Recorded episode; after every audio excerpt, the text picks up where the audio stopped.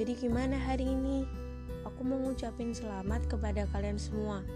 Ada sesuatu apa sih aku ngucapin selamat? Ya sebenarnya bukan apa-apa. Ada kisah apa hari ini? Pasti ada kan cerita yang gak kalian suakan Entah karena benar-benar gak ada waktu Atau karena kalian ngerasa kalau cerita kalian gak patut buat diperdengarkan ke orang lain Tapi ada kok segelintir kecil spesies manusia yang mikirnya gini Buat apa sih cerita? Toh percuma aku cerita, cuman aku yang ngerti sedetail apa pun cerita Orang lain kan cuma pendengar, cuma aku yang ngerasain.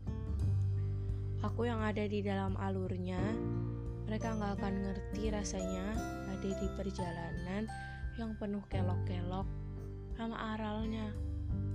Balik lagi sama diri sendiri, semua itu tergantung sudut pandang.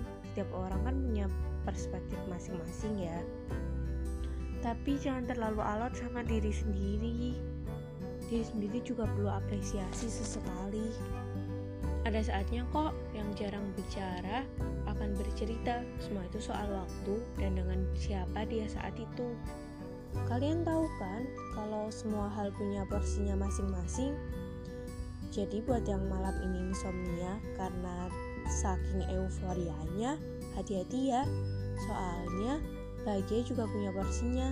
Sedangkan buat yang malam ini terseduh sedan, udah nangisnya, kasihan tuh matanya sembab kih.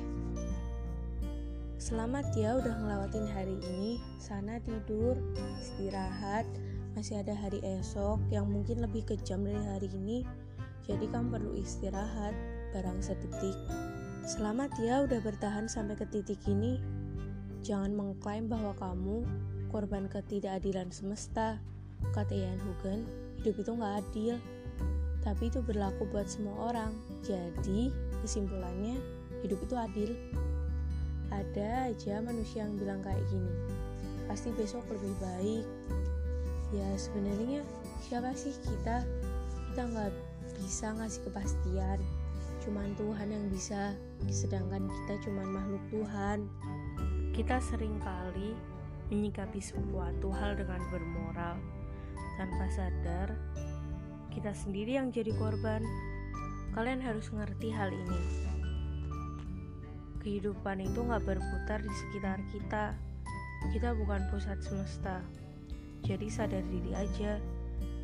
Tapi juga jangan merasa berkecil hati teman-teman. Karena tentang bagaimana cara kita memandang dunia, semuanya ada di sini, semuanya ada di hati. Nih, dengerin jangan manjur dari aku. Ucapin ya buat diri sendiri. Terima kasih aku, terima kasih aku. Terima kasih buat aku, buat aku diri sendiri. Kedengarannya agak gimana gitu gak sih? Kayak terlalu egois. Kenapa diri sendiri? Ya karena kita sering kali lupa kita terlalu terobsesi akan mimpi-mimpi hingga lupa ada hak-hak yang wajib kita tunaikan. Cukup sekian dari aku. Tidur sana udah malam.